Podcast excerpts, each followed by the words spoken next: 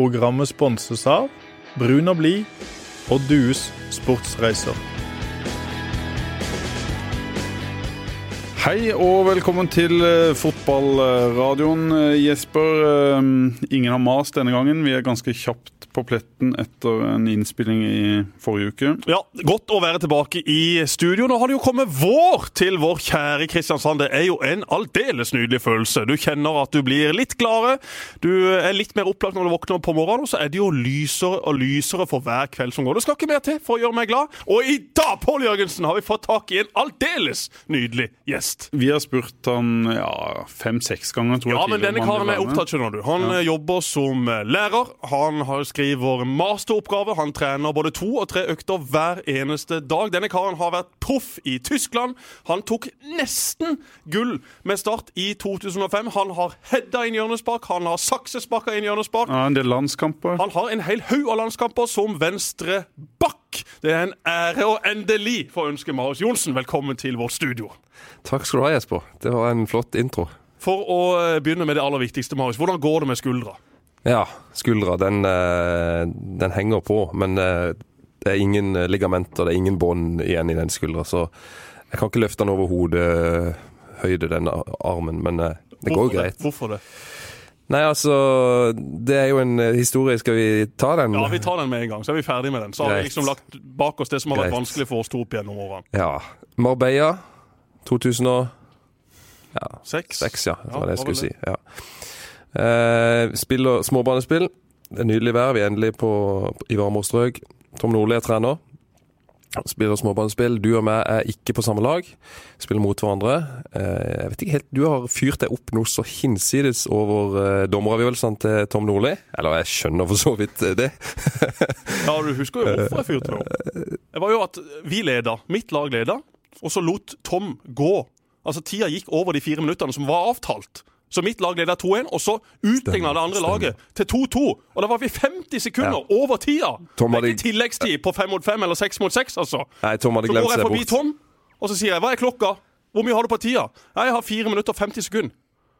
Sa han det, altså? Ja, så blir jeg bare helt sånn. Jeg var sikker på han hadde sagt 4-0-0, og så hadde det, Nei, han nei, stått nei, og prata med noen og glemt bare sånn, helt sånn, ja, men, så sa, Jeg orka ikke si noe, ikke sant? for du hadde jo visst åssen det hadde vært. Jo, du orka å si noe. Du sa et veldig stygt ord til han eh, Ja. når det begynte på F. Nei, nei, nei, si nei, nei, nei, nei, nei. Hør nå her. hør nå her. Så gikk jeg forbi Tom, og så eh, sier Tom Ja, men skal dere ikke reagere på det, liksom? Skal dere ikke bli forbanna? Ja, men Så sa jeg mange stygge ord. Ja. I all verden. Selvfølgelig blir vi forbanna. En eh, litt redigert versjon. Eh, og så eh, blåste Tom i gang neste kamp, ikke sant? Og så sto han der og ja, koste seg over det at han hadde fyrt meg opp så til de grader. Og så, så, så tar jeg det herfra. Ja. Eh, og så sier jeg til Jesper nå, Og det var før vi begynte. Det var neste kamp igjen. For jeg hadde fått fire, minutt, fire nye minutter å roe okay, med. Og så sier jeg til Jesper nå Jesper, nå ser jeg at du er fyrt opp. Nå skal vi spille fire mot fire. Helt greit at du er sinna, jeg liker det. Men ikke la det gå utover meg. Bare ikke la det gå utover meg. Og jeg vet ikke om det kokte mer i kålen din når, når jeg hadde sagt det til deg, men Det var en god stemning, da. Ja, og så får vi da den situasjonen. Jeg er på vei ut for å hente en ball. Går liksom skrått ut mot hjørneflagget. Jeg er i fullt firsprang nedover der. Og så kjenner merker ikke jeg at jeg har en hingst travende bak meg. Som kommer litt sånn skrått bakfra. Og jo må til i taklinga, så jeg flakser av gårde. Jeg rekker ikke å ta meg for. Jeg lander på skuldra, og eh, der ligger skuldra enda nede i Marbella. Du ødela skuldra, rett og slett. jeg kunne ikke, jeg kunne ikke løfte Tom ødela skuldra. Tom skuldra med elendig dømming. Jeg klarte ikke å løfte opp armen min eh, på en uke. Så Jesper unnskyld. Eh, det vet jeg ikke. Har du sagt unnskyld for det? Ja, jeg mener jeg sa unnskyld etterpå. Det var jo egentlig ikke meninga at det skulle gå utover det, men det var jo full kok i kålen i den matchen. Jeg hadde til og med eh, av, eh, advart deg på forhånd. Ja, ja, du hadde det. og- Men det tror jeg bare føyk rett gjennom. Fra det ene øret og ut gjennom det andre. Jeg tror vi var begge enige om at Men- dette var, dette var Toms feil. Tom dømte jo ofte feil med vilje for å fyre opp på treninger. Og Ja. det var jo helt vilt. altså I, i dagen, dagen før så hadde jo Bert Lunde Aasheim, Jon Midtun og Bård Borgersen ligget og slåss midt på banen. Ja. Var ja, det er sant det. Og han hadde på en måte en eh, vane, eller uvane, med at han eh, plutselig ikke fulgte med på spillet, eller noen ting. Og så gikk tida, og så gikk den ut, og så, når han fikk der motstand, så kverka han den motstanden med å skrike enda høyere og, og, og bare Så du Men skuldra di er ikke helt ødelagt. Det er ikke sant. Fordi at jeg har sjøl vært spiker på KKGs juleturnering hvert år de siste to-tre årene. Og der er det jo én som er galere enn alle sammen, enten det er volleyball, fotball, håndball eller fotball. I basketball, inni den lille baskethallen de har oppe i Gimlehallen, altså Marius Johnsen hopper fra side til side, knuser elever i lufta, står og skriker til dem 'Nå kommer deg opp, hvis ikke må du stryke i gym'. Altså Han er helt på det villeste, og lærerne har jo pleid å vinne de siste årene, har de ikke det? Det er prestisjeturnering i den julecupen. Da spiller eh, idrettselevene mot, eh, mot lærerne, og det er viktig å vinne sammenlagt. da. Er, vi kan tåle et par tap, Ja, for det er eh, volleyball, det er frisbee, Volleyball, frisbee, basket, håndball, fotball. håndball, fotball, ja. Så det er fem, fem eh, idretter, og vi må jo ha tre, tre seire. da. Og du har jo med deg et sterkt lag. Du har altså Kristine Lunde Borgersen. Ja, det er mye, Og mye Alf Erik. Svela, Frode Fredriksen.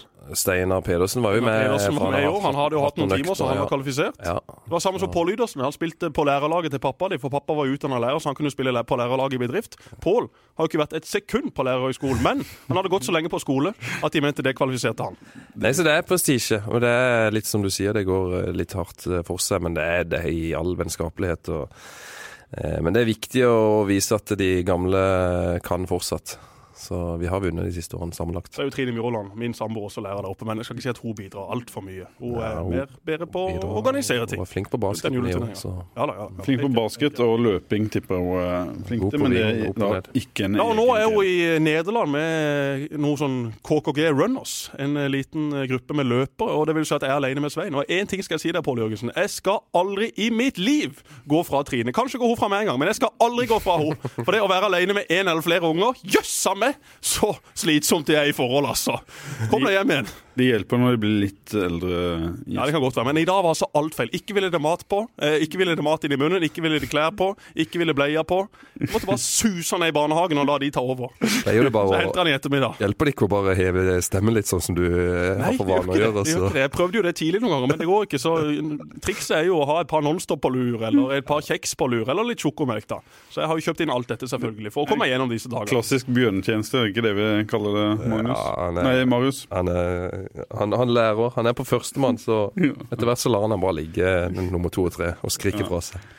Du, Vi må eh, starte litt på begynnelsen med deg, Marius. Karrieren din eh, eh, ble jo etter hvert eh, veldig bra, så ga du deg veldig tidlig. Men eh, hva slags type var du når du var eh, ung fotballspiller? Eh, Jeg var en eh, Ja, skal jeg si Vi hadde jo en storbror, Espen. Vi var veldig tett på i fotballen òg. Espen gikk jo hele veien gjennom alt av U-landslag og, og helt til topps, holdt jeg på å si, med A-landslag. Mens jeg var jo aldri innom noe av dette. Jeg var vel knapt innom et kretslag.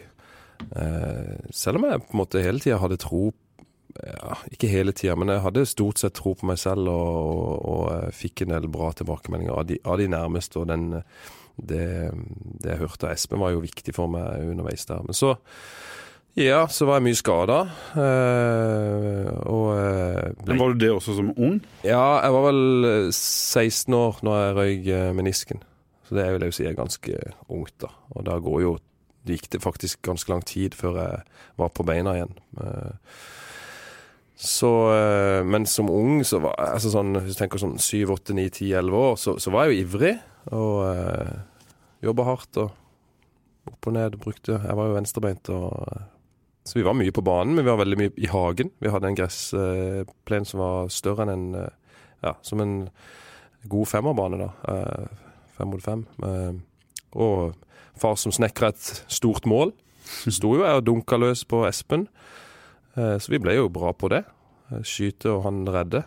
Eh, Og så var det henge opp arbeidslamper når, når kvelden og mørket kom, oppe på huset. Flomlys? Flomlys, ja. Og så var det noen grinende naboer som kom over og sa at nå, nå, nå orker jeg ikke mer. Forståelig nok, jeg skjønner hvordan de har holdt ut. Det var jo barneskrik og skudd i vegg og stik over og hente ball i nabo, nabohagen og ja. Men frem til du var 16-17, så var det ingen som pekte på deg og sa at eh, du blir toppspiller? Nei, det, det var det ikke. Ikke sånn at jeg kan huske at, eh, at noen uh, sa det. Enten de nærmeste, kanskje, som hadde eh, troa på meg og oppmuntra meg til å stå på. Nå skjønte du at uh, oi, jeg har et liv i, i toppfotballen. Det Jeg vet ikke. Jeg var, jeg var eh, Så hadde vi jo eh, Jeg var snakka hos Gimletroll i går, hos noen gutter der. Fotballaget til Tom Bærus og Sveinung Berntsen. og de er 12-13 år og forteller de dette med at eh, det er mange veier frem. Du trenger ikke å være på kretslag når du er 12-13-14-15 år. Du trenger ikke være på landslaget heller. Det ser vi jo bare. Jeg viste de et landslag av de som var på gutter 16 på den tida, som ikke jeg var med. Og ingen av de er med videre i dag. Altså sånn, eller hva ble spillere da. Så det er, og det ser vi jo på utøverne som de gjør i dag. Det er jo, det er jo 85% av de som tas ut, er født fra januar til juni. I dette som kalles for relativ alderseffekt. Så, så vi tar jo det ikke, Vi tar ikke ut de som nødvendigvis kommer til å bli gode til slutt. Uh, men uh, Er du født seint på året? Ja, jeg er født eller seint og seint. August, da. Slutten Ja. av august. Uh, og det er jo Espen også. 24. eller 20. desember. Så. Men, men det er nå én side ved det. Men, men det er noe med det at du er tålmodig og bare fortsetter å spille og, og øve, ha det gøy med fotballen. Og, så jeg hadde noen, noen nærme meg som Jeg husker Espen sa til meg når vi hadde skuddtrening, jeg var vel da kanskje 17-18 år, var jeg over skaden. Og så sier han at du, du, er, du har bedre skudd enn det er ingen på start som skyter så bra som det på A-laget. Og Da trodde jeg jo han, han ikke var helt ærlig, men samtidig så, så ga det meg noen sånn mm. motivasjon og sult. og Så hadde Erik Rutvold sagt noe til Espen, at eh, Marius han kommer til å bli god. Du må bare oppmuntre han. og det var før jeg hadde på en måte vært, vært inne da. Men så er det så tilfeldig. ikke sant? Det, det var en trener på A-laget der da som ikke hadde tro på meg, eh, og derfor så ble jeg ikke løfta fram. Og så, så kommer det en islending som, som har tro på meg, og, og så får jeg plutselig spille på A-laget til start. Så. så er det noe med å ta den sjansen da, når du får den. Men Hvor gammel var du da du gikk til, til Start? Jeg var jo ung. Jeg var 13-14 år. eh, Og sett tilbake på det, så, så, så var det for tidlig. Eh, Jeg ville heller ha vært lenger i Vigør, men det var noen omstendigheter der òg som gjorde at det ble litt sånn vanskelig å fortsette. Så jeg er opptatt av at kan man skape de gode miljøene eh, ute i bredden, eh, i eh, distriktene. Skape gode miljøer, la guttene være der, spille sammen med sine kamerater. Selv om de er på ulikt ferdighetsnivå, la de spille med kompiser. Og så må selvfølgelig de beste få matches litt ekstra. Det er vi flinke til i Vigør, der jeg kommer fra. Men la de få, få leke og kose seg, og så, og så skal de selvfølgelig til start etter hvert. Det er jo eh, det er sånn jeg, jeg tenker i hvert fall. Det må være sånn at de vil til start. Hvordan husker du eh, den unge Marius Johnsen, Jesper? Når var første gang du på en måte ble observant på han? Altså, Jeg husker faktisk en eller annen kamp en eller annen merkelig grunn ute i Søgne på Tangvall, hvor Søgne spilte mot Start 2. Og da spilte Marius eh, sentral midtbane. Ja. Jeg var på den kampen, og sønnen til Preben Jørgensen, Dan, spilte vel spiss på det laget, tror jeg. Ja, stemmer. Og han kjente litt via Preben osv. Gammel hilse til Dan. Hilse til Dan Jørgens. Jørgensen. Ja, ja, en hedersmann. Hadde ekstremt bra med fart. Mangla kanskje litt andre ting, men terningkast seks hva gjelder person. Eh, Han spilte spiss eller wing, og jeg husker den kampen at jeg var der. Jeg satt på den fine tre- tretribunen der som peker eh, vekk fra Tangvall. Eh, Eller han peker jo faktisk mot Tangvall, når jeg tenker meg om, for de som er lokalkjent. Det er det ikke alle som hører på dette som er, men Tangvall er jo en flott by ute i Søgne. eh, Der jeg har vært mye om sommeren opp igjennom. der. Vi har hytte der ute. Veldig flott. Men der husker jeg Marius spilte sentral midtbane. Eh, og han var jo selvfølgelig best i lufta. Han hadde en fantastisk venstrefot, og så eh, gikk det litt for seint med og uten ball. Og det var ikke sånn at Marius var en av de du tenkte jøss, han blir en A-lagsspiller om veldig få år. Eller han blir landslagsspiller om, om få år. Men eh, etter hvert så kommer han jo inn på A-laget, eh, og så eh, husker ikke jeg så mye fra, fra den tida. Jeg kom jo opp og trente med A-laget da. Marius var jo en del eldre men du hadde jo du hadde ikke vært på A-laget i så veldig mange år. Så jeg hadde jo sett han, sett han spille. Men jeg husker jo best Marius fra, fra fire-fem og den tida med, med Tom. Eh, hvor han var Norges klart beste hodespiller. Han hadde fortsatt en fantastisk god venstrefot, og var kanskje den som var aller best trent når vi ser på eh, løpsstyrke, fysikk, eh, vilje. Altså, han var jo helt tullete når det gjaldt trening. Mm. Vi kunne ha to økter på spikeren, og så satt Marius der igjen klokka fem-seks for å sykle eller restituere eller var i boblebad eller svømte. Altså, det var på det nivået. Det var en ekstrem vilje. Det var jo derfor Marius ble god. Ja, du hadde selvfølgelig masse talent, og du hadde en spenst og en timing og en fysikk som veldig få var forunt, men det var jo fordi at du var en av de som ville aller, aller mest, og da tipper jeg fra du var 15-16 og hele veien fram til du la opp, så var du en av de som trente mest. Det er husker best med Mr. Johnson. Bygde du opp den eh, fysikken, Marius, eller var det noe du hadde naturlig? Nei Ja, jeg tror nok eh, hvis du spør min far, så vil han si at jeg hadde en del naturlig fra min eh, morfar. Bare for å gjøre det Ja. litt enkelt. Eh, Mens Espen var nok mer den som måtte jobbe mer for fysikken. Jeg husker bare Dette har jeg blitt fortalt, men jeg kan nok huske det med et snev av glede at, eh, at jeg lå på gulvet og tok 20 pushups når jeg var ja, 7, 8, 9, 10 år. Mens Espen han klarte ikke én eneste pushups da.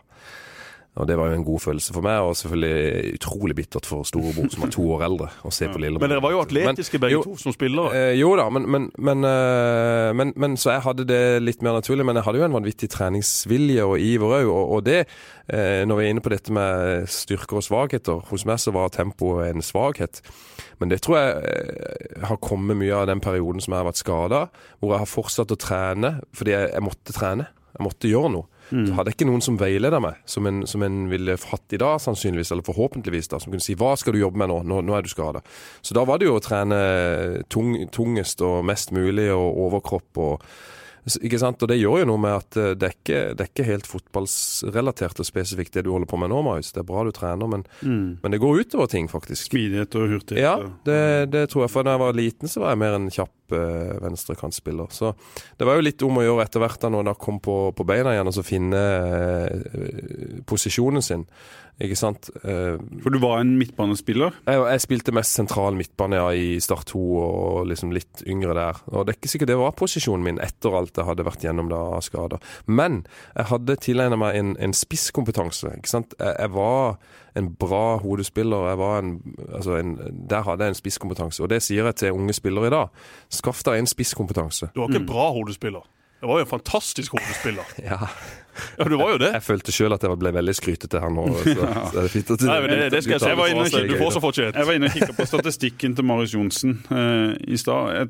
Eh, Hvis du tar, legger til grunn at han har spilt sine kamper som forsvarsspiller for, for Start, så er det jo ingen som er i nærheten av et sånt et målsnitt som forsvarsspiller. 34 mål i obligatoriske kamper på ja, jeg vet ikke, 130-120 kamper er jo et vanvittig målsnitt for en eh, forsvarsspiller. Ja, Det er jo helt tullete snitt. Og du spilte vel venstreback i 95 da, eller 98% av tilfellene? Iallfall på det øverste nivået. Jeg hadde én sesong, den første sesongen min i 2004. Eller, Spilte du venstre kant? Eh, eller? Ja, da var jeg Eller det ble vel 2003 med Bård Wiggen. Da var jeg venstrekant. Da skåret jeg ti mål, da. Som Mm. venstrekant. Så, så jeg, jeg, men, men det var jo det jeg øvde på. ikke sant? Jeg sto i haven og dunka løs på Espen, så jeg hadde en bra avslutningsferdighet. Og så dette med at uh, pappa kasta noen baller, og jeg jobba meg opp på timing og heading. og og så ble jo det en, en spisskompetanse. Og så var det om å gjøre å finne posisjonen som jeg kunne være best i, da. Eh, Etter hvert så ble jeg nok den spilleren. Jeg kunne ikke uh, være for mye feilvendt ikke sant? Og, og vende opp og drive fremover med ballen. Så man må finne litt sin uh, posisjon, da. Mm. Du, Hva betydde det at Gudjon kom inn i, i Start og tok deg under vingene? Ja, nei, det var jo alt fra Omega, det, for min del. Eh, han, han ga jo tillit til seks-syv lokale helter, eller unggutter, ikke sant? Eh, Alle som var over 1,80. og no- Strømstad, ble sendt til Bærum, og Ole Gerhard Sørensen, Ja. Fredrik Jacobsen, Ja. du. ja. Hvem flere var det? Ja, så var det jo Lars Martin òg, og, og, og eh, Han prøvde selv på ganske mange. Jeg tror William Aligo òg. Aligo, Aligo vil. Han var jo høy da. Ja, selger for Umbro nå enn i Oslo. ja. Så det var mange som fikk muligheten. Og så var det noen som, eh, som ble med videre. Og så, sånn sett så har jeg veldig veldig mye å takke eh, Gudjon for. Så- Husker du da sønnen til Gudjon var på Karus Karhus og trente? Ja, det husker jeg når Husker du du hva. Tom sa? Nei. Vi sto i en sirkel, og så skulle liksom Tom eh, presentere Hva het han for noe, da? Joey? Ja, Ja, ja, Joey. var kan godt vet Joey Er det han som ble proff i Celta Ja, Vigo? ja, ja. Og i, i Aston Villa Ja. spilte han? Ja, spør- ja. Så sier iallfall Tom at ja, jeg har han her i dag, liksom. Og så sier han ja, det er jo Sønn av Hitler, sa han liksom, ikke sant? ja, ja. Sønn av Hitler. Et eller annet sa Tomme Tom da, ikke sant? Og alle var liksom sånn, visste ikke om vi skulle le, eller om vi bare skulle se en annen vei, eller om hørte vi det, eller var det bare tull? Men uh, han gikk jo under uh, navnet, om ikke Hitler, kanskje det lille Adolf, eller Adolf, eller et eller annet. Han var jo relativt tøff, den islendingen. Vet du, Jeg har en histo kort historie der vi var ute på Dønnestad og trente. Han hadde jo alltid konflikter med banemennene, eh, Gudjon. Og uh, da kom han i disputt med den banemannen som var ute på, på Dønnestad. Eh, og han skjelte han ut etter noter og sa 'You're here'. You have a job because of us, sa han. Og da møtte han banemannen på vei ut, og han snakka Han kalte meg for en Og så var han i telefonen og ringte sine overordnede og sa at dette her er Dette går ikke. Nei, det går ikke. Men Gudjon, eh, han var jo tøff. Han var det i lederstilen, og, og det var mye løping og gamping og Men, men ikke sant? Men Hadde han noen myke sider? Er det noen av dere som, eller Husker du noe på en måte som Eh, ja, jeg var husker at i, i, i ledelsen, sånn når vi hadde økter og sånn, så, så var han relativt eh, normal og han kunne skryte av dere? Ja, han kunne det. Jeg, jeg var jo en av de som fikk i bøtter og spann av han, av tillit. Jeg var jo den eneste. Det var, jeg husker kampen før Moss, hjemme. Eh, eller det var på spillermøte. Så slakta han hver og en av oss for å ikke ha Da hadde vi tatt noen sånne laktattester. Vi hadde ikke eh, kondisjon i det hele tatt, og vi pusta med ræva. Og det var, det var ikke bare Leonardsen som gjorde det. Men det var én som fikk eh, godkjent det, og det var, det var Marius. Du hadde det allerede, du hadde det allerede da? Laktat, Marius, gikk ja, Ja, ja, etter den testen. Ja, så Tapte vi, vi tapte kampen 6-2. eh, mot. Moss. Han hadde kanskje rett i det han sa, da. Ja, jeg vet ikke. Jeg kan jo lure på om vi ble syka ned av spillermøtet i forkant. Løpt i senka Rune Tangen. Kjell, Kjell, Olofsson. altså. Kjell Olofsson. Kjell Olofsson, ja. Ja, han spilte sikkert. Han Ja, inn mål. Han dunka inn mål. Ja. Du, skal vi, eh, skal Rune Tangen må jo forresten ha et godt målsnitt som eh, han, forsvarsspiller. han har nok det. Det samme har sikkert Erik Hoftun. Eh, Erik Hoftun? ja, Skårer ikke han mye som stopper på Rosenborg? Eller er det, var det mer sånn eh, tredje sist, nest sist på ballen? Rune Tangen satt jo straffespark akkurat som han ville. Han bomma vel aldri. Erik Hofte var jo den eh, spillende Han, han var, sto, sto nok bak mye av de Det gjør han nok, men han står ikke så mye mål. Nei, han gjorde kanskje ikke det. Jeg husker bare noen dribleraid og Ja, ja, noen løp bakfra som endte i mål. Moderne stopper tidlig. Vi kan gå innom 2005 og Tom Nordli og litt sånn etterpå. Skal vi snakke litt om det som skjedde på Hellemyr på, på onsdag først? Så kan vi heller hoppe litt frem og tilbake i, Ja, i, Det er vi jo flinke til. i tid. Ai, ja, ai. Åssen eh, så du den kampen, Marius, på onsdag? Det var en kjempefin happening for oss eh, i Vigør i vårt eh, 100-årsjubileum. Veldig altså sånn drømme... Du er trener i Vigør, for de som ikke Ja, jeg er trener i Vigør. Trener to lag. Det er jo eh, Mine barn spiller jo der, da. Eh, Gutter ni og jenter elleve. Og så sitter jeg i styret, da. I fotballutvalget og jeg også, da. Så mm, det er min rolle. Så det var en veldig fin eh, dag. Eh, Vi har jo gleda oss til dette og håpet at det skulle skje. og og så er det gøy å se altså det, er- Som vigører så ble det feil å si, men jeg er jo starter også. Gøy å se den forskjellen som det er på lagene. Og jeg tror nok dette er det beste startlaget som Vigør har møtt. De har jo møtt Start i cupen noen år. Eh, det er vel tredje ganger på ganske kort tid, egentlig. Men var diskusjonen i Vigør sånn på forhånd her kommer et ungt eh, startlag, her er det muligheter, og de er litt i ubalanse og sånn, og så ble det ikke sånn i det. Jeg har ikke vært så tett på, eh, på A-laget og planene rundt kampen, men jeg, jeg, jeg kan vel ikke se for meg at, eh, at Vigør tenkte at de kunne at de kunne slå ut Start, men at de kanskje kunne holdt litt lenger enn tre minutter. Kampen forløp jo sånn at Start skårte et mål etter to minutter, eller når det var. men men så var Vigør ganske med i, i en halvtime, selv om de blir jo kjørt litt. Men de er med i 30 minutter, og så er det jo, så er det jo sjanseløst resten. da. Hva er det du syns er bra med det du så av Start på, på Det jeg likte med, med Start og den nye, nye utgaven, er det at det, det går fort. Det er tempo i, i det som skjer utpå der. Eh, og at det ser ut som at de, de er i ferd med å jobbe inn en eh, spillefilosofi som eh, som jeg, som jeg har eh, stor tro på, og som, eh, som kanskje har vært litt mangelvarende i, i eh, ja, de, siste, de siste årene. Det går hurtig, og det går fremover. Og, eh, og så er det selvfølgelig mange henta inn mange gode unge spillere som trenger noen gode opplevelser. Og eh, det fikk de jo nå, da, mot Vigør. Og så må vi jo må de ta det videre i, i, i Eliteserien. Var du på Hellemyr, Jesper? Ja, jeg var der i første omgang. Det var like stor forskjell på Start og Vigør som det var på Start og Vålerenga et par dager i forveien. Den kampen mot Vigør har vel egentlig null og niks verdi, tror jeg. Man kan stå og si så mye man vil at dette ga og selvtillit, dette ga oss en god opplevelse, men det er et uh, middels fjerdedivisjonslag som står på motsatt side. Og da skulle det bare mangle at man vant med både syv, åtte, ni og ti mål. Så en fantastisk happening. Jeg elsker første runde i cupen. Det er en folkefest. Bort og kjøpte meg en uh, pizza i pizzavogna der. Det var topp stemning. Vigør har jo også eh, en gitt inntekt på dette, eh, og, og de får lagd ei flott ramme. Fint vær var det, fin bane. altså Vigør er jo en fantastisk klubb som har vært viktig også for Start opp gjennom årene. Så det at klubbene kan uh, ha sånne opplevelser sammen, syns jeg er jo helt fantastisk. Men noe sånn sportslig så har vel ikke dette noen ting som helst uh, for seg. Det blir en uh, ny match om et par dager som kommer til å bli eh, ganske mye vanskeligere for Start sin del, da de skal opp og besøke Rosenborg. Og så eh, er det nok mange på den banen som har mye å revansjere etter det som ble vist mot Vålerenga, for det var rett og slett eh, noe av det tristeste jeg har sett på, på veldig lang tid. Ja, selvfølgelig blir kampen ødelagt allerede etter fire minutter. Men hvorfor blir han det? Jo, fordi at man spiller altfor naivt, alt for, med altfor stor risiko i begynnelsen av kampen. Jeg er kjempefan av Dempsey og måten han vil spille fotball på. Jeg spilte jo sånn sjøl, stort sett. Men jeg var forsiktig de første ti minuttene. For da vet du at Vålerenga de ligger og venter. De har sett video, de vet at Start liker å spille seg ut bakfra. De liker å ta sjanser. Og så er det jo hovedproblemet. De har jo ikke midtstoppere som kan spille på denne måten. Altså, Se hvordan de slår pasninger til hverandre. Det er jo høye skuldre og pasninger som ikke er i nærheten av å være gode nok. Enten er de for harde, eller så er de enten er de for harde, enten er de for svake, eller så er de upresise. Altså, Det er tre ganske dårlige eh, valg. Og når da Start skal prøve å spille seg ut på denne måten, i begynnelsen av en kamp, når motstanderen bare ligger og venter og venter og venter, da kommer det til å smelle. Ikke bare mot Vålerenga, men i flere kamper, hvis man ikke endrer litt på dette. Spill fotball for all del, men vær litt smarte de første fem-ti minuttene. For spissen til motstanderlaget, kantene til motstanderlaget, de jager ikke 90 minutter. Men de første 10-15 minuttene av en kamp, da har de fått klar beskjed om hva de skal gjøre. Da kommer de til å løpe som gærninger. Spill nå heller den ballen litt mer direkte noen ganger. Vær litt mer bestemt og få med seg ballen fremover i banen, istedenfor bare skulle spille på seg trøbbel. Hadde det vært 11 mot 11 i den kampen, så tror jeg fort Start kunne ha vunnet. Det ble en kjempeforskjell på lagene, naturligvis, fordi at Start var én mann mindre og så ut til å gi opp i andre omgang. Det var alt annet enn det man hadde håpet å se på.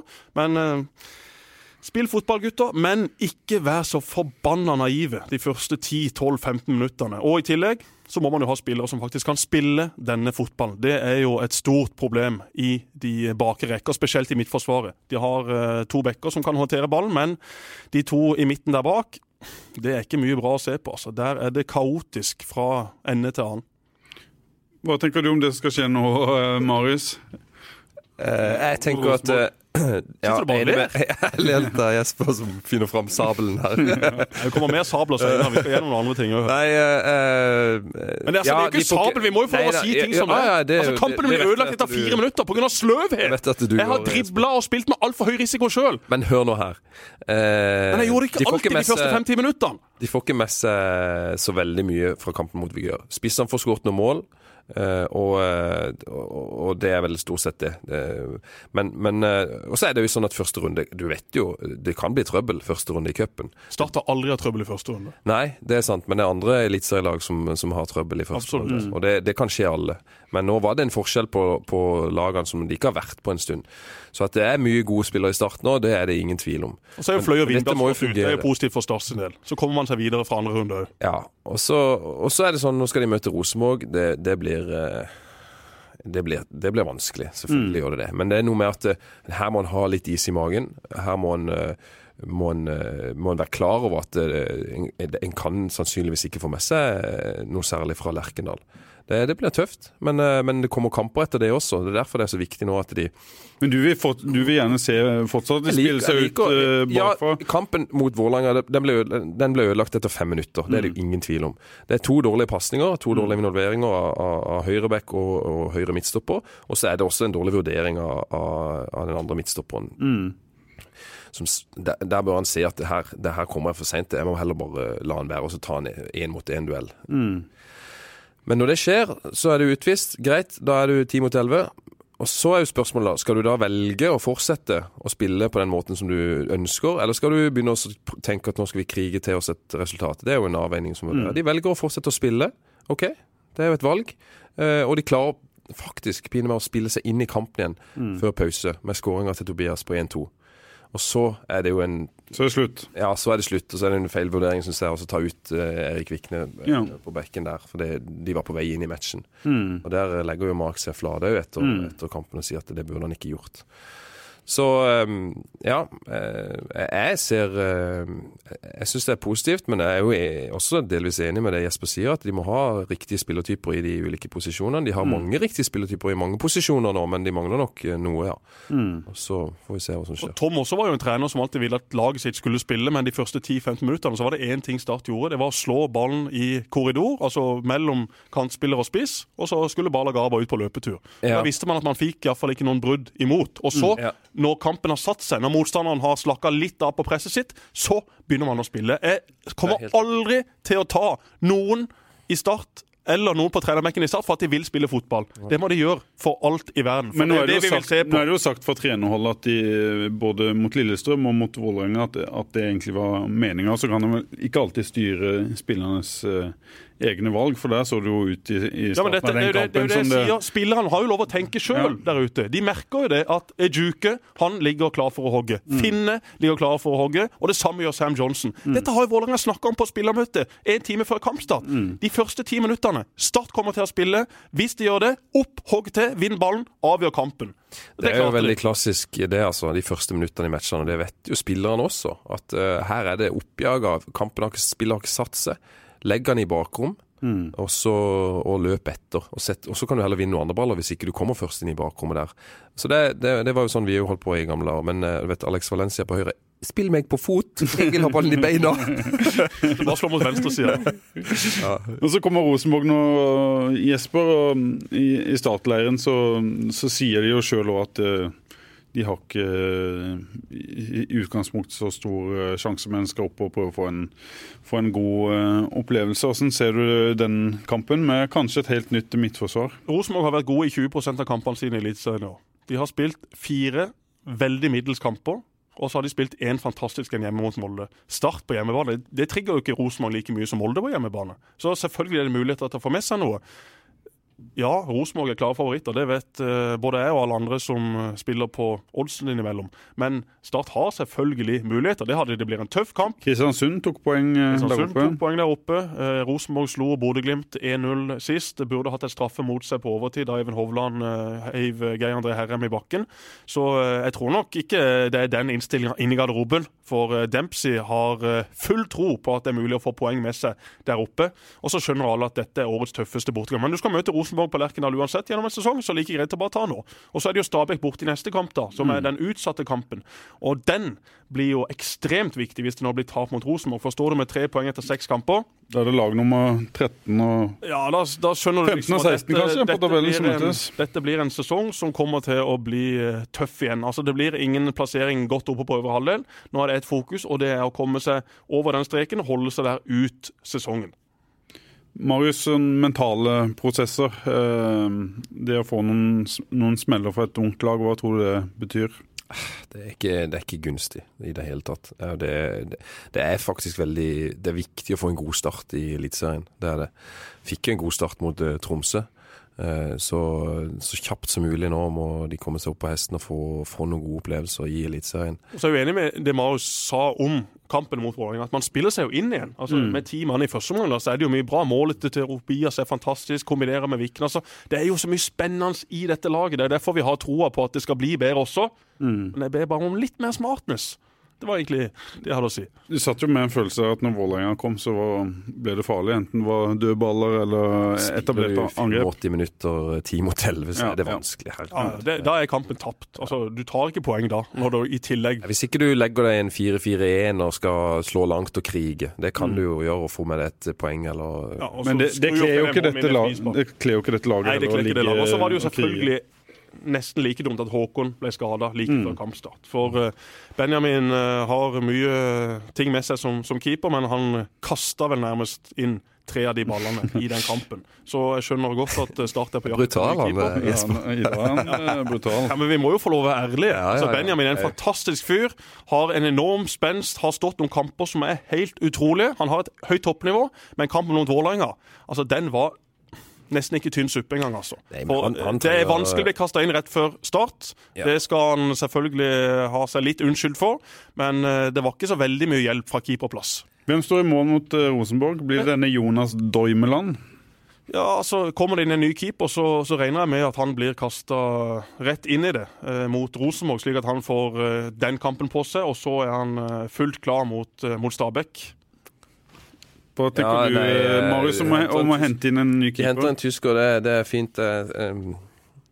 Jeg hadde spilt sammen med en i Køln som har sittet på benken der i alle år. Han er jo nærmest blitt klubblegende. Jeg syns jeg skulle gjort fremstøt på Thomas Kessler. Og se om de kunne få, få han opp på et låneopphold.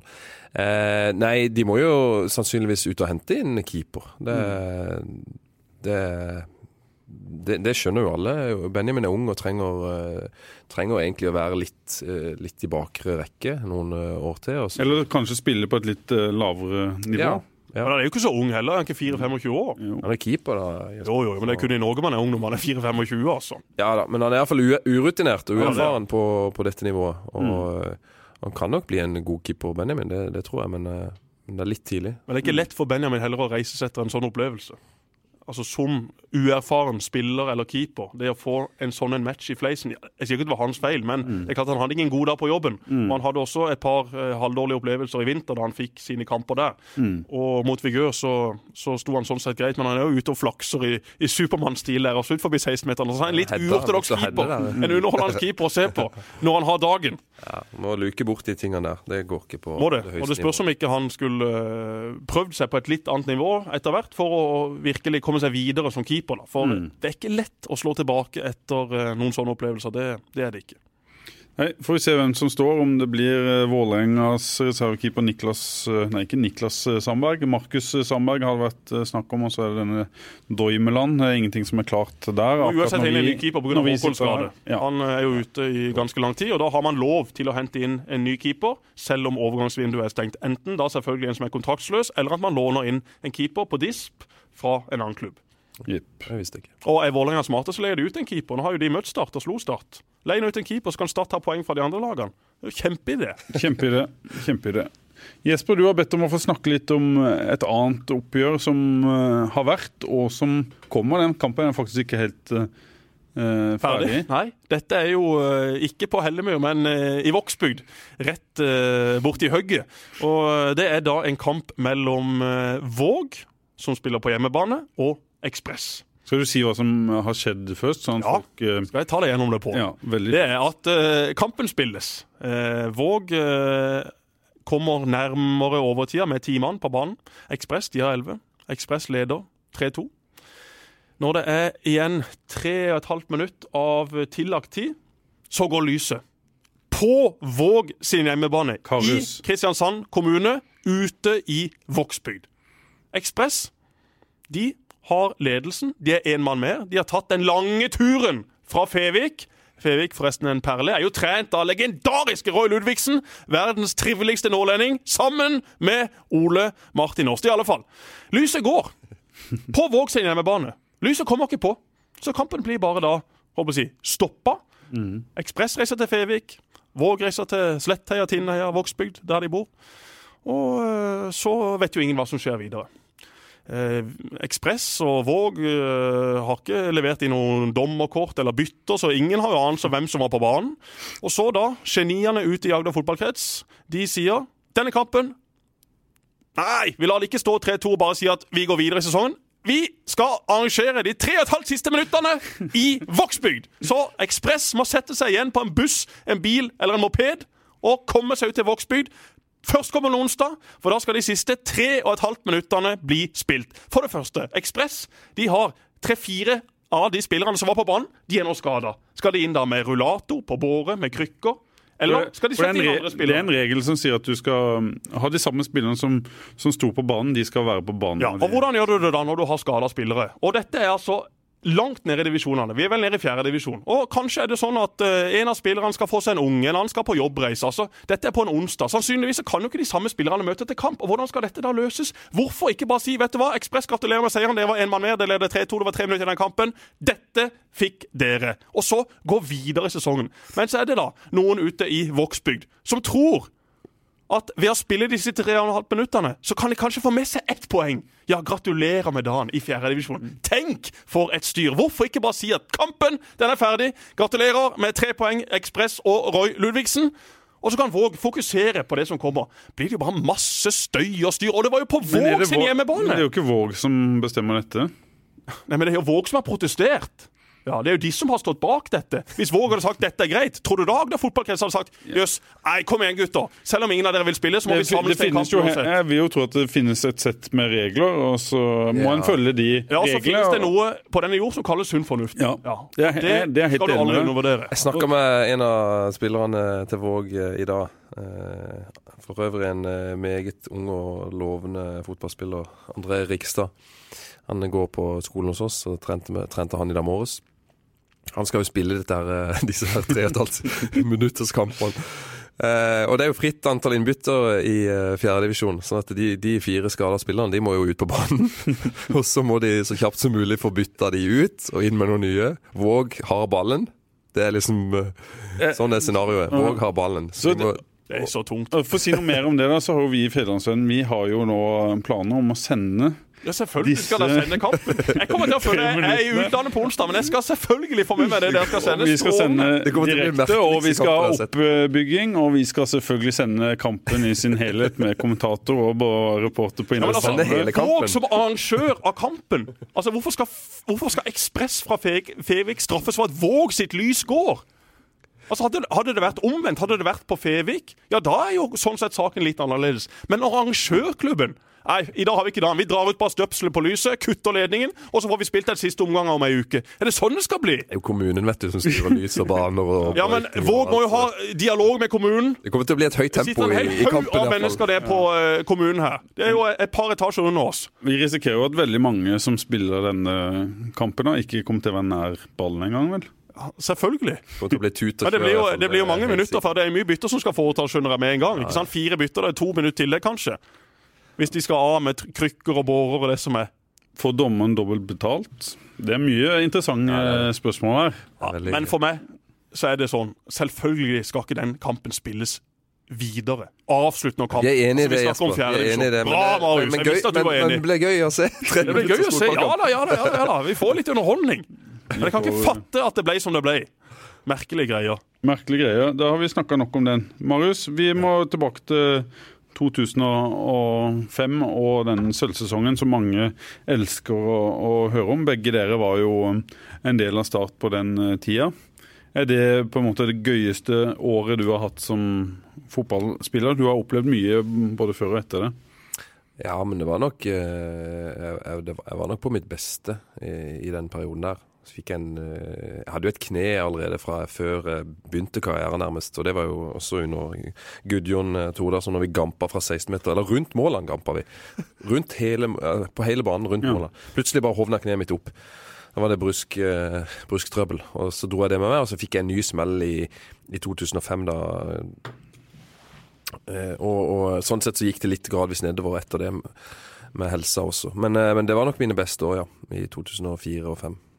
Hvordan, hvordan opplevde du å ha Tom Nordli som, som trener? Han har jo skrytt mye av deg i, i etterkant, og til og med sagt at hvis han en gang skulle få plukke sin egen assistenttrener, så ville du være en, en aktuell kandidat. Eh, sier han det, ja? Ja, nei, eh, jeg har, eh, jeg har bare eh, Ja. Altså, jeg, jeg, har, jeg ble veldig imponert over Tom som trener. Uh, han var den første treneren når han kom inn og, som, som lærte meg fotball, altså. Som eh, Ikke på det individnivå og tekniske ferdigheter, men, men på lag og struktur. På hvordan man skal spille fotball.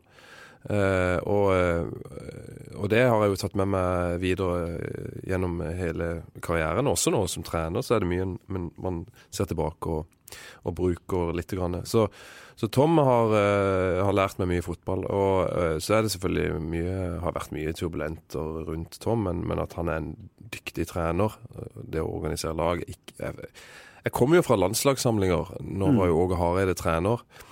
Og jeg kom derfra, og så kom jeg hjem, og så sa jeg til Tom fy søren, vi, gjør- mye riktig i Start, altså. Vi gjør mye bra. Fordi at eh, Da sammenligner man jo også litt. Jeg sier ikke at det som vi drev med på landslaget var, var dårlig, men det var, det, var, det var en bekreftelse på at det, det vi gjorde i Start, det var veldig bra. Mm. Eh, Men så var det selvfølgelig ting vi, vi trente for mye. Vi trente for hardt og for lenge. Eh, og jeg har sagt til Tom i ettertid at eh, du må huske på det når du fikk eh, sparken eh, midt på sommeren der, 2006 vel, så Eller var det eh, Seks. Jo, seks, ja. Stemmer det. Så lå vi jo sist, eller nest sist, eller hvor enn vi lå på tabellen. Det var veldig veldig lavt. Og så kom Stig Inge, og så eh, var jo Stig Inge litt smart, så vi hvilte oss jo. Vi hvilte oss jo opp i bronsekampen på, eh, på høsten der. Så og Det er jo litt sånn i forhold til perspektivet for Tom, da, at vi hadde ikke trengt kanskje å kjøre fem minutter med coaching hver eneste dag da, på spillesystem. For vi kunne spillesystemet veldig godt. Mm. Kanskje det handla mer om å løse litt opp. Løse litt opp. Men, men det er jo vanskelig når du er i nuet å Mm. se det da, der og da. Men uh, ja, det er mye, mye å takke Tom for i forhold til karrieren min. Det har jeg. Eh, Kneet, Marius, det var jo det som til slutt uh, gjorde at du måtte gi deg tidlig. Spilte din siste kamp i 2010 Mm. som eh, 27-28-åring. Jeg var jo egentlig For det, den kampen mot Fredrikstad, den uh, gullkampen Så var det helt på slutten av matchen så landa en oppå kneet mitt. Jeg hadde allerede litt nedsatt bevegelighet i det leddet, og da ble det slått løs ny brusk. Eh, og eh, Så det neste året, det ødela litt av, av opp, opphopp og fraskyv og alt på venstrefoten min, så jeg klarte ikke å, å, å være den samme etter det. Når 2006 var spilt, eh, så eh, dro jeg jo til Tyskland. Eh, og det var jo så vidt at overgangen gikk i, i, i vasken. Eh, da En medisinsk sjekk. Du reiste til Køllen. Utlån fra start starte Køllen, er ikke det ja, riktig? utlån. Eh, Erik Soler som tok med meg ned dit. og det var et sirkus, egentlig, med den overgangen. Jeg visste nærmest ikke hvor, eh, hvor jeg skulle hen. Og eh, Så han bare ble med? Bli med ble på flyet? holdt utenfor. Ja, det var, det var Texas. Det var det. Jeg tror Køllen hadde fått noen telefoner fra noen desperate agenter om at de må sjekke kneet mitt. Eh. Og så gjorde de det. Tok bilder av kneet mitt. Og eh, egentlig så var alt klart med kontrakter og alt. Eh, skulle bare signere, men så hadde de fått noe innspill om at de burde sjekke venstre kne til Marius. Så gjorde de det, og så sier de vi er litt i tvil nå, for vi ser jo at det er en brustskade eh, i kneet. Og så var jo Erik veldig rutinert. Så sier han ja, ja, men det er ikke noe problem. Jeg tar han med hjem til, til oss i Start. Han spiller alle kampene der, så Ja, ja, nei, vent, vent nå litt, vent nå litt. Vi, vi ser på dette, og så kommer vi jo til en løsning hvor jeg fikk enda høyere kampbonus og mindre i, i fastlønn, så det ble jo til syvende og sist ble det bare bedre for meg. Men, eh, men eh, det var på en måte Det hemma mye av utviklingen til kar karrieren min videre. Det gjorde jo det. Så ble jeg jo solgt til Lillestrøm, og eh, ja Da Hvordan klarte du å holde dette i sjakk? Hvordan klarte du å spille kamper? Nei, og hvordan utarter en sånn skade seg? Ja, det, det, det er jo mange forskjellige grader av Går du inn i knærne til fotballspillere, så finner du garantert noe brusktrøbbel i veldig mange knær uten at de merker det og uten at det er noe problem. For meg så ble det et eh, problem. Jeg fjerna menisken som jeg var inne på da jeg var 16 år og mista støtdemperen. Og, og da, når du trener masse, så blir det eh, bein mot bein til slutt. Og, og Det er vondt. det er som å pirke opp i tannverk. Ja. Så det er helt umulig rett og slett å, å, å, bøye kneet på vanlig vis og stå i, i statisk altså, Sånn som Og skyve ordentlig ifra. Så det, det, det begrenser seg sjøl. Knærne mine Venstre kne er jo ikke bra i dag, og det går utover muskulatur og alt sånn. Så. Men jeg klarte jo å holde sjakk delvis, da. Men under Tom så, så trente vi jo mye, og det gjorde jeg òg, for da var det ikke blitt så, så galt ennå. Eh, mens, eh, mens, mens det ble verre og verre. og Jeg prøvde noen operasjoner på slutten, men eh, det ble aldri helt bra. Lars Engebretsen som opererte deg, sa Ja. det at, at når du opererte i i 2010 at karrieren din kunne være over, at det viktigste var at du, du fikk et kne som kunne fungere i, i hverdagen. Og da var karrieren over. Ja, altså egentlig så var det, det var det noen leger som sa til meg før jeg, før jeg det hele tatt slo igjennom. At du bør, eh, den legendariske gamle startlegen eh, Stokke, eh, som jobber ute på Andøya legesenter, han sa det at du bør ikke spille fotball. Du bør eh, slutte. Eh, Så da fikk man jo en slag i trynet, og så gjorde man noen valg, og så valgte man å fortsette. Og så, så var jeg jo i gode hender. Lars Engebergsen er jo flinkeste på bruskproblematikk. Jeg tror jeg mener han har operert både Solskjær og i hvert fall vært involvert i de operasjonene der. Masse alpinist og med fem ganger og Jesper Ja, Mathisen. ja, ikke sant. Så, så eh, da, da prøvde han jo å, å se om det ble bedre, men, men de har ikke noen gode metoder for bruskeoperasjoner. og Derfor så har de veldig mange forskjellige metoder som de prøver ut. Mm. Jeg har prøvd eh, å transplantere brusk, jeg har prøvd å bore huller inn i kneet for at det skal si ut. Men det blir ikke bra. Så da må man jo til slutt bare kaste inn håndkleet og si at det kom faktisk et stykke, selv om Mm. det så mørkt ut. Åssen Hvordan var det å være såpass eh, ung og få den eh, beskjeden? Eller var det noe som du på en måte hadde forberedt deg på litt, eh, i og med at du hadde hatt problemer underveis her?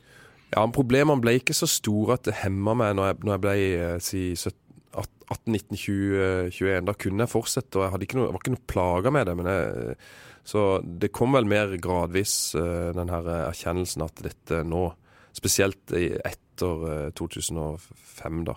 Da skjønte jeg at nå, nå er jeg redusert i spillet mitt. Og da blir det kjipt å spille når du vet at det, du er på 70-80% av det Mm. du egentlig vet at du har. Eh, Så det blir tungt. Men eh, sånn er det. Det er Det blir mørkt. Ja, nå gikk lyset. Det var jo sånn sett Ja, men da skal vi ta de neste minuttene av sendinga. De, de sender vi eh, i neste uke. Nei, Vi må ha på lyset igjen. Nå kommer Per Ja, nå kommer uh, eh, som tekniker og hjelper eh, lyset. nok ikke er i familie med den Moseid som hadde julehus hjemme i sine yngre år. Det er han ikke. Men Marius, ja. følte du en eh, sorg når du måtte legge opp, eller? Nei, ikke der og da. For da var det egentlig Jeg var inne i et kontraktløp med Lillestrøm, og egentlig så ønsker jeg bare å få bli ferdig med dette. For, for uh... Du må være glad for det du klarte i din karriere. Altså, Med, Ja. det, med det utgangspunktet da du var 17-18, ingen så på deg som den neste håper si, storspilleren fra, fra Hellemyr. Ja. Og så har du vært proff i Tyskland, masse landskamper, fantastiske opplevelser med Start, med et kne som ikke var i nærheten av egentlig å ja. være godt nok. Og du kan fortsatt spille litt basket og håndball og fotball i, i, i julecupen til KKG for gøy, og du kan løpe så mye du vil. På mølla ser det ut som. jeg kan løpe. Jeg løper og trener styrke, det, og da er jeg glad og fornøyd. Og så kan jeg heppe litt rundt. Så, så det er bra. Men ja, jo da. En, en fikk jo mye ut av det sånn som det ble, men, men jeg tror jeg kunne fått mer ut av det hadde jeg vært eh, frisk, altså. Ja. Eh, og, og det med at jeg trente feil da når jeg var 15-16-17 år. Ingen som var tett på. Som, det var jo ikke noen sånn type spillerutvikler i, i Start eller andre steder på den tida der. Men du, har, du er jo ikke den som har eh, Vi har jo hatt Frank Strandli her, som sa at det å legge opp ble fryktelig tungt for han. Og han ble jo Ja. Han isolerte seg litt fra, fra, fra kanskje både venner og, og Ja, ja, men det ble litt sånn En liten sånn identitetskrise får du. Det gjorde iallfall jeg. At eh, hvem er jeg egentlig nå? Hva, hva skal jeg nå? Hvor, eh, hvor går veien videre? Og hva alt det som har kjennetegna meg, på en måte, eller i hvert fall eh, en del av det, er, er vekke. Nå må du på en måte begynne å finne noe nytt. Så litt, litt ble det. Jeg, jeg, det var jo midt i denne tida med, med, med Lundekvam og dette her som Mm. kom opp da. Og da kjente jeg jo litt på at ja, jeg, jeg forstår det, altså. At det kan bli sånn.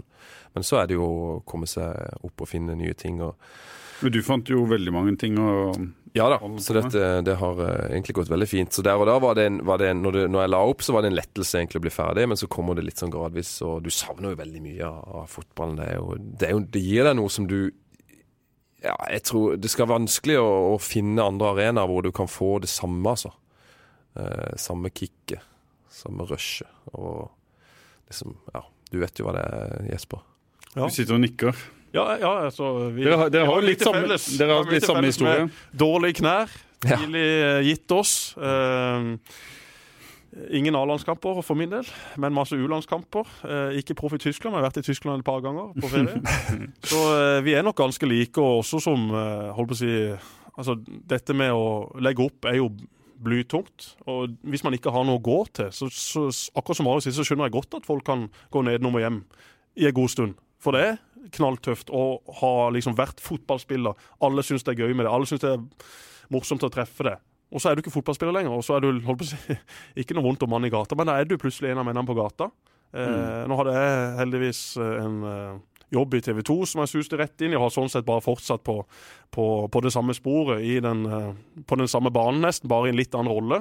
Og så har jo Marius fått seg en drømmejobb. Men du savner jo Du merker Du får ikke det samme kicket og liksom det å vinne og Nei, er du gal? Å, jeg savner det. Jeg, og det er jo derfor jeg, altså, jeg er jo ofte hissig i den radioen her. Men, men det får du ikke ut noe sted! Sant? Jeg kan ikke stå hjemme og skjelle ut Trine hver eneste dag. Eller skjelle ut Svein hver eneste dag. Nei, kan jeg kan jo ikke det. Ikke det. Derfor må jeg skjelle ut eh, ting og folk i diverse tråder på Facebook og få ut det der. Altså, det å vinne på trening, det å tape på trening, det å konkurrere.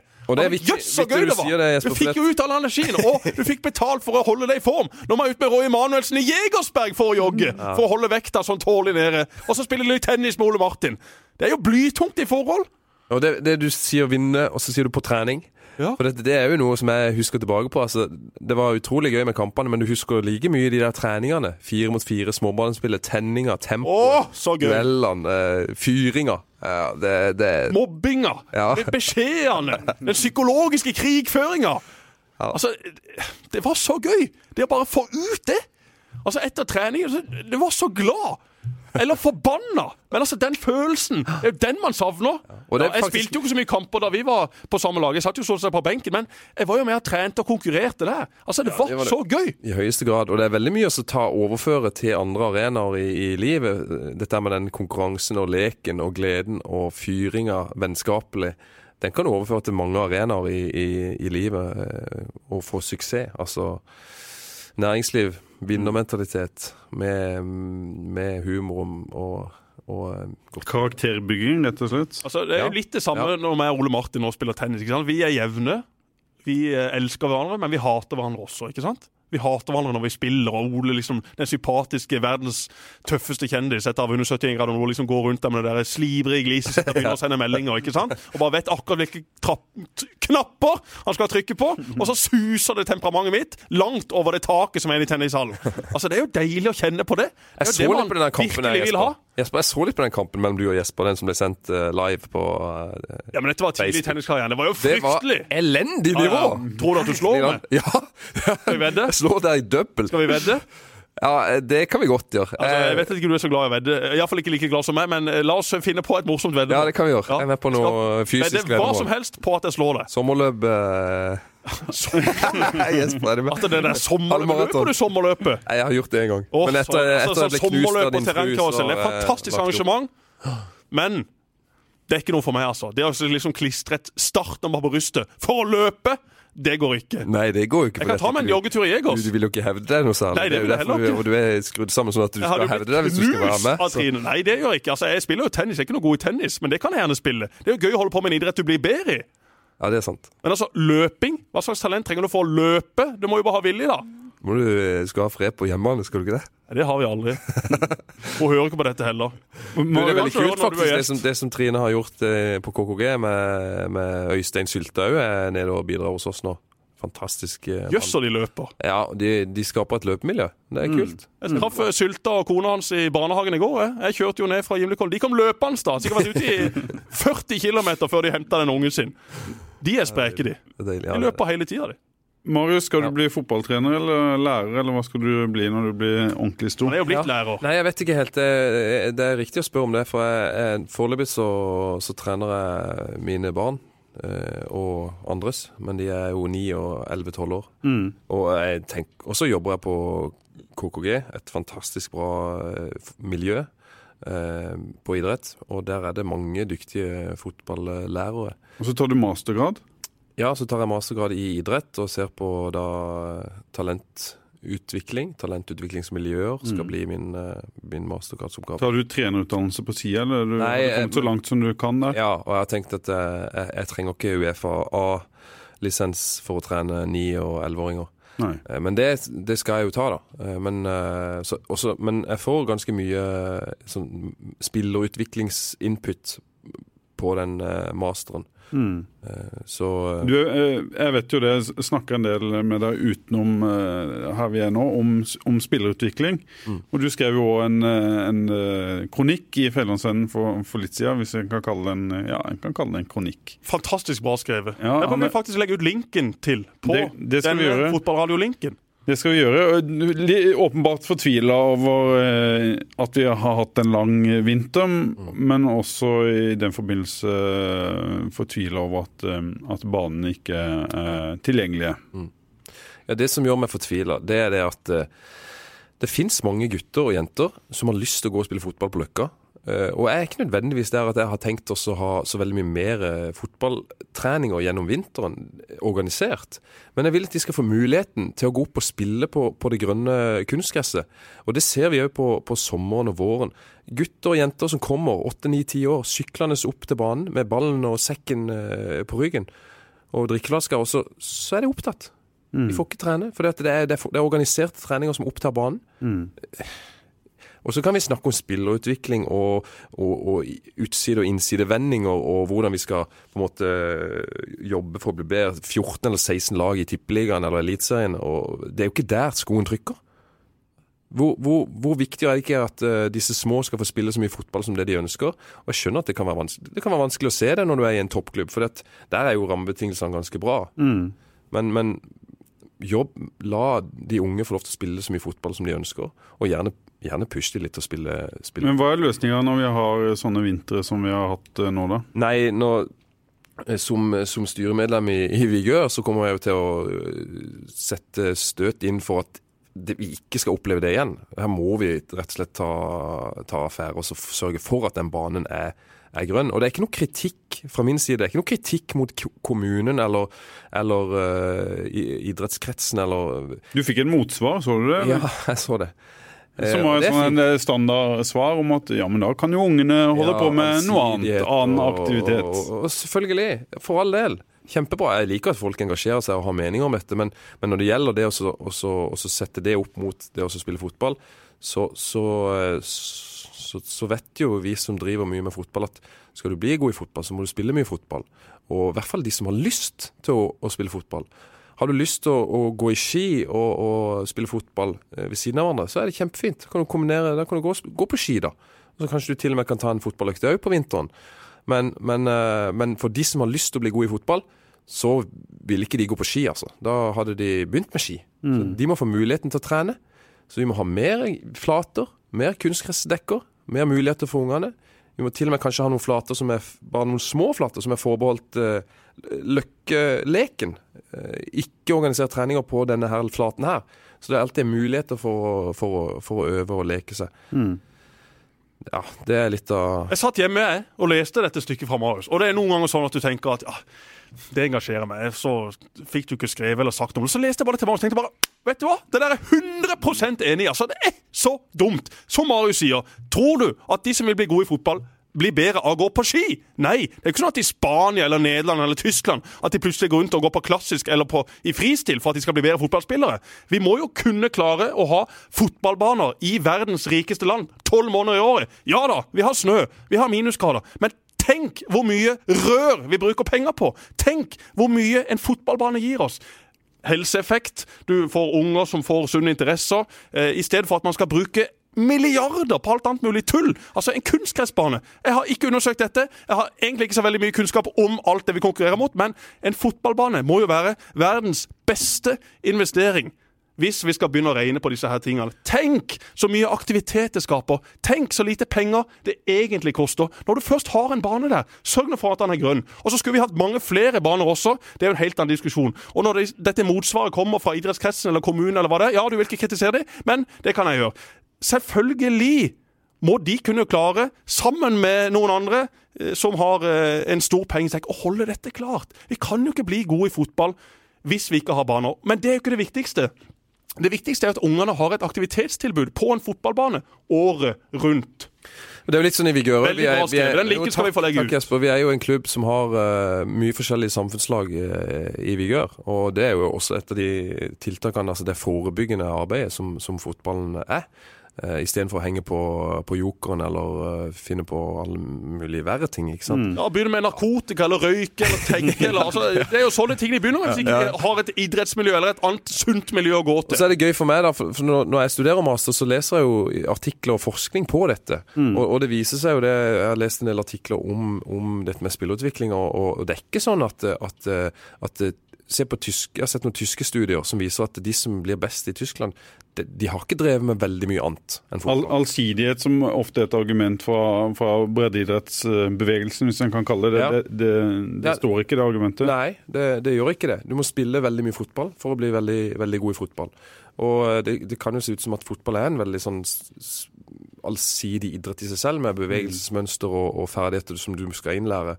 Så, så eh, har- de studiene som jeg har sett, har, har vist at det, de har ikke drevet med, med ski og turn og håndball og fotball. De har, eller, de har drevet med fotball. De har spilt mye fotball. Og de har spilt mer enn de som, som ikke ble så gode som de.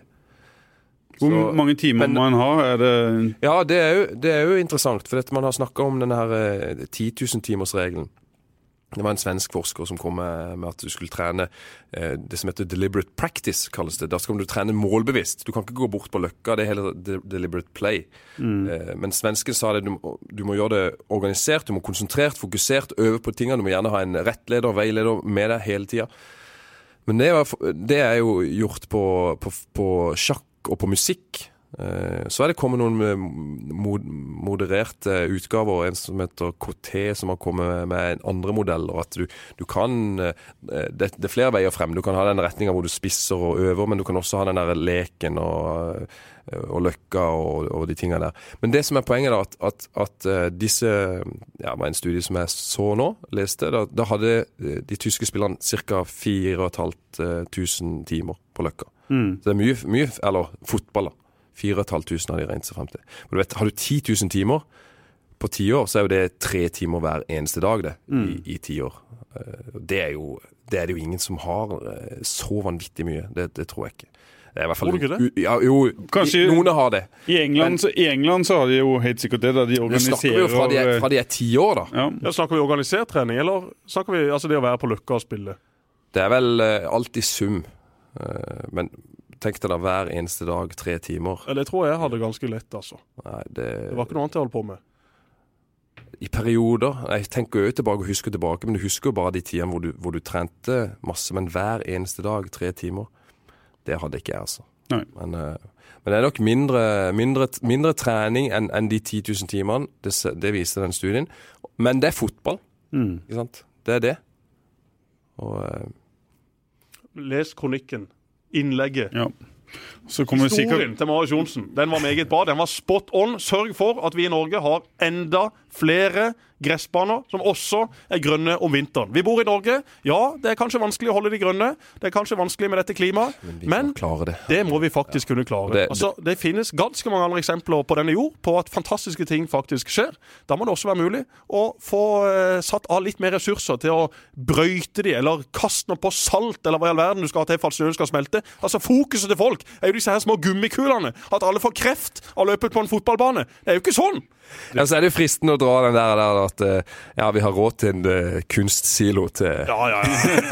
Men en kunstgressbane men altså, Kultureliten den skal vi ikke legge oss ut med akkurat i dag. Men ja, tenk så mye penger det blir brukt på kultur! De bruker faktisk argumentet om at en kunstsilo eller en kunstskole skal engasjere så mange unger, og så bruker de en halv milliard på dritet! Altså, De gjør jo ikke det i forhold til. Sett opp 100 fotballbaner, da! Det koster en kunstgressbane. Kunstgressbane koster vel eh, millioner. 4-5 millioner. Ja. Du kan sette opp 100 kunstgressbaner for en Nå snakker vi kunstsilo nå snakker vi stor- 15 storpol- storpolitikk. Nå høres det ut som du er fra Fremskrittspartiet, eh, Jesper. Altså, hadde du det si vært et noe parti jeg hadde passa inn i, så hadde det vært Frp. Sånn, ikke si pga. noe alt det de står for, men kanskje pga. fremgangsmåten. Men dette må jo folk være enig i. Altså, ikke kom og fortell meg at en kunstsilo eller en kunstskole eller kunst eller kultur generelt engasjerer i nærheten av like mange unger eller mennesker som fotball, idrett, håndball. Nei, men nå, du har en pott med penger som skal brukes på kunst og kultur, Jesper, og de, de henger ikke, sammen med de andre. er ikke fotballkultur. Jo, jo, jo. Men Ja. nei, det er jo ikke det. det er, Pappa, fikk er jo ikke. Pappa vant kulturprisen i Kristiansand. Han gikk inn på Telfords, der kultureliten satt hver gang han kom der. Gikk inn, spurte er det noen her som har fått kulturprisen. Nei, det var det ikke. Gikk ut og satte seg med sportsgutta igjen. Sport og fotball men, men er kultur. fotballkultur Jo, det kommer vel Hva heter det dep- departementet som fordeler penger til idretten, da? Jeg tror egentlig at de, de, de pengene som er satt av til brøyting, det er en pott som også skal brukes til parkblomstene på Torvet. Ja. Sånn at det går inn i den samme Men det er mange som mener at det er veldig mye viktigere med blomster og fint på torvet Det enn det. fotball. Det er ikke tvil om det. Og, Da må og disse kanskje for, omfordeles. ja, men i hvert fall så må det Sett opp noen det, blomster, det må, det må så har den brøytes mer tatt. Nå, nå, nå må vi stoppe her, altså. Nå har vi holdt på altfor lenge, og så er vi helt på Ja, men Vi er jo ikke helt ferdige ennå. Det er jo en historie også, Marius, om noe leggskinn på gamle Kristiansand stadion. Hva slags historie var det? Da ble det også relativt god kok. Ja, Det gjorde det. Eh, det var jo trening dagen før kamp. Eh, litt fritt, eh, så du trengte ikke leggskinn. Første del av økta. Ja. Jeg la leggskinnene mine sammen med resten av utstyret til folket. Og så skulle vi inn i et eller annet eh, spillsekvens, småbarnsspill eller et eller annet. Vi måtte ha leggskinn. Eh, og eh, jeg går for å hente leggskinnene mine. De er borte. det er noen som har tatt de. Eh, Jeg går tilbake til Tom, som en liten dritunge. Sier jeg har ikke leksene, sorry. Det er noen som har tatt de. Og idet jeg sier det er noen som har tatt de Hvem er det som har tatt leksene til Marius Johnsen? Det er ingen som turte å stå frem. Og vi samles inn i midtsirkelen. Vi setter oss ned. Jeg setter meg ned. Jeg, går, jeg, jeg, jeg reiser meg ikke før den kommer, den som har tatt leggskinna til Marius Johnsen. Ingen som, som, ingen som viser seg. Ingen som tør å tre frem. Og vi sto der altså i fire-fem minutter uten at noen sa ja, treninga stoppa den. Vi måtte begynne å varme opp igjen etterpå. ja, Og så uh, tenker jeg jeg får gå bort og se en gang til, da. Og så ligger jo leggskinnene der som jeg la de sist. Bare hadde flytta litt på dem. så det var, det var min Jeg måtte gå og slukøra tilbake og si at jeg fant det, og at uh, det var min feil. Hva sa Tom da? Han sa iallfall ikke noe i plenum. Nei. Gjorde han ikke, så han uh, dekka Men du var en av de som ble skåna for hans verste Ikke, ikke alltid. Jeg fikk kjørt meg i begynnelsen. Noe så voldsomt. For jeg har jo en sånn stor rettferdighetssans. Eh, Så hvis jeg vet Hvis jeg vet at det er riktig, det som jeg sier, det er, og er det feil, det som blir sagt, så, så i begynnelsen så sa jeg imot. Mm. Men så lærte jeg jo, da. Det er jo noen som har evne til å lære, Jesper. Ja, det, det, den, den har jeg i veldig liten det gjelder å svelge noen kameler. Mm. Og selv om du vet at dette er, galt, og da gikk det ikke på sånn der at eh, Tom eh, halshugde eller skjelte ut en, en medspiller, og, og dette var helt eh, feil. Nå bør du si at dette er galt. Men det var mer sånn dommeravgjørelser og sånne ting. Da lot jeg det bare være et, etter hvert. Så eh, derfor så tror jeg, ja Jeg tror vi, vi, har, vi har bra kjemi, meg og Tom. Og eh, jeg har fått kjørt meg, jeg har det, men, eh, men jeg har eh, lært litt også. Det har vi alle. Ja. har vi alle. Marius, du Ja. har en flott kone, men du har felles Facebook-profil. Altså, Hva er det for noe? Og det gir Hvorfor meg har du ikke en egen? Nei, og, og det er litt Det begynte med at Marius Monica Johnsen Ja. heter du på Facebook. Riktig. Og det var vel Det begynte vel bare med at vi At jeg tok en uh, Facebook Jeg vet ikke om jeg het- har hett det hele tida. Det vet jeg ikke. Ja, det har du. Fra dag én. Ja, men da, da tok vi den felles, da. Og så har, eh, har jo eh, Etter hvert så, så begynte jeg å fyre kona mi på at nå må du kanskje få deg en egen Facebook-profil. Og, Ja, ja, jeg må få gjort det. Og så har jo det rent ut i ingenting, så hun har liksom ikke fått seg den egne Facebook. Og nå sier hun at Marius, jeg må bare få oppretta en egen Facebook. Nei, ikke gjør det, for nå, nå er det så gøy. nå får jeg motbør. Jesper eh, halshugger meg for dette, det er jo kjempegøy. Så nå har jeg ikke lyst til at hun skal få seg en egen Facebook. Så nå står du last og brast med dette? ja, for nå er det gøy å få slakt fra deg på dette. For dette er jo filleting i den store sammenhengen. Ja, det er det. Men jeg elsker å irritere meg Og jeg er jo ikke de der Jeg er helt enig med deg, Jesper, i det der kos og klems-greiene ja, ja. på Facebook. Det er for noia, altså. Ja, ikke sant? Helt, Kom med det, Marius. ja, men jeg, jeg, jeg er jo ikke jeg, går jo ikke ut sånn som deg, da, på samme vis. Men det, jeg kan jo sende noen linker til Jesper, sånn at han får Eller tagge Ja, det, så du får sett, eh, Ja, sett bare send meg printscreen. Jeg fikk senest noen i går. altså. Altså, eh, Kristoffer Ayer ble jo 20 år. Og, han må vi gratulere i fotballradioen. Ja, det det er er jo historielæreren hans som faktisk sitter her. Marius Johnsen. Ja, han ringte deg i går. Han skal opp i muntlig eksamen i historie. Han har bare ett fag igjen, historie, og har vel egentlig bare fått uh, nærmest sekser i alt av, av fag på videregående skole. En, vanvittig, usedvanlig smart fyr. Holder jo, ikke mer skryt nå. ja, men han var flink på skolen i hvert fall. Og han skal ta historie nå, og så ringte han for å få noen tips. Og det har han fått. Men, Og Ayer er jo, ikke sant, ble 20 år, det er jo stort, det. altså, Mm. For en fantastisk gutt. Det har vi snakka om før, og gjør det bra i Celtic og toppstemning. Men altså, han fikk jo en gratulasjon da fra sin søster Karianne, og hun har veldig mye å lære på sosiale medier. altså. Hun, Det er så mye hjerter og hyllester av de rundt seg. altså, Det er ikke måte på! Og Øyer òg, liksom. For han fikk sånn 15 punkter med hyllest. Det er viktig at sånn- alle andre får sett, det alle andre. får sett det, på en måte. Men det Det er viktig at alle andre får sett disse punktene. Ja, ikke send det personlig til han. Nei, nei. Send det heller til alle andre. Og så har du også Øyer, da. ikke sant? Som liksom fikk selvfølgelig masse gratulasjoner på bursdagen sin. Og så er han så rutinert, vet du. Noe jeg heller ikke liker. Liksom folk som sånn i 9-10-draget, gjerne 11-draget, liksom skal gå ut sånn. Takk for alle gratulasjoner jeg fikk i dag. Ikke sant? Og så bare vom! Så kommer det en hel haug til. Og så var- jeg var en av de hive ut som- snøret, og så bare skal du som- dra inn enda flere gratulasjoner. Det var dagen etter faktisk han Ja. gjorde det. Så da var Nei, jeg inne. var det ikke på kvelden? Nei, jeg tror det var dagen etter. Ja, I hvert fall, jeg var inne da. Jeg var inne dagen etter Ja, og Send nå en melding, eller ikke svar de som har sendt deg melding. Ja, Personlig. Takk alle. Altså, Men det du gjør, er jo bare sånn Hei, alle dere som ikke har gratulert meg med dagen. Nå kan jeg gratulere meg med dagen i denne tråden. Gi meg enten en like eller send meg en kommentar, eventuelt en melding i innboksen. Det er jo det han egentlig sier. Det er det han sier. Du, bare ett ord om Maya, Marius, før vi, vi han, han er jo fastlytter, han må få litt om seg sjøl når han først eh, gjør det bra. Hvor gøy er det for deg å, å se at en elev som har gått eh, KKG, er nå storspiller i Celtic og, og ser ut til å kunne få en fantastisk eh, Ja. Det er veldig eh, positivt. Veldig gøy for oss på KKG. Og Kristoffer er har vært og er en god ambassadør for, eh, for KKG. Han er, eh, snakker mye varmt om skolen og Men fortell hva, som er, hva er det som er spesielt med han? Hva er det som gjør at han lykkes? Du har jo sett han på nært hold både i treningsarbeid og, og skolearbeid. Han har hodet på rett sted. Det er, det er veldig mange gode eh, fotballspillere som, som kunne blitt gode. og Det vet jo Jesper. Han har spilt sammen sikkert kjempemange gode. Som hvor ble det han? Hvor ble det han? Det har jeg også. Jeg var ikke av de som har kommet lengst. eh, Men, men han har hodet på rett plass. Han er vanvittig lærevillig. Han er dedikert. Han er vinner, har vinnerskalle. Så han, han, han lever i spillet og elsker det. Og, eh, og, og Jeg husker jo når han spilte i Start, han spilte sentral midtbane, eller fremme. Tenkte jeg, der, der kan ikke han spille. Det er ikke der han kommer til å bli god.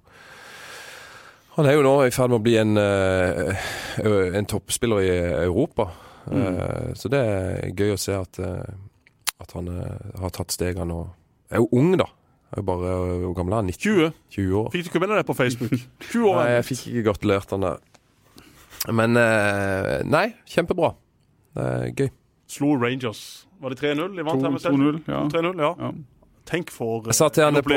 Jeg snakker med han litt innimellom i, i forhold til dette med skole og sånn. Så målet mitt må jo være at du ikke slår meg i antall landskamper før du, før du blir 20 år. Hvor mange har du? Ja, nei, jeg har jo syv, eh, syv kamper, da. Han, Ja. han har jo har jo just begynt, har han ikke det? To. To ja. Han har allerede knust meg. Det har han. På mange områder her i Eh, livet. Men det sier litt om, eh, om eh, ja. Så det kommer litt breaking news her. Ser jeg. Mens vi sitter her, så gir altså Arsene Wenger seg som Arsenal-trener. Men det, det får noen andre, andre ta opp på, tide, sier Ja, det kan godt være. Men han har iallfall gjort en god jobb. Ja, I Premier League, i Arsenal. En hedersmann. Ja. Kanskje kunne det vært noe for uh, Vigør om et par år, med Marius Johnsen som hovedtrener og Arsen Wenger som assistent. Det var hyggelig å ha deg her, Marius. Hyggelig å, Håper du kan komme en annen gang. hyggelig å få en invitasjon. Og du har mye å snakke om når det gjelder talentutvikling og mye gode tanker om fotball. Kanskje skulle vi hatt enda flere kloke hoder i studio på ja, det er for. Fordelen med Marius i, i forhold til de fleste andre er jo da at han, eh, han er jo eh, Han har jo lest masse om dette. Han tar jo ikke bare ting Nei. opp og sier at eh, sånn er det. Han kan slå i bordet med tall og fakta, og det trenger vi mer av i Fotball-Norge. Det er ingen tvil om. Takk for i dag. Takk, takk. Bare hyggelig. Programmet sponses av Brun og blid og Dues sportsreiser.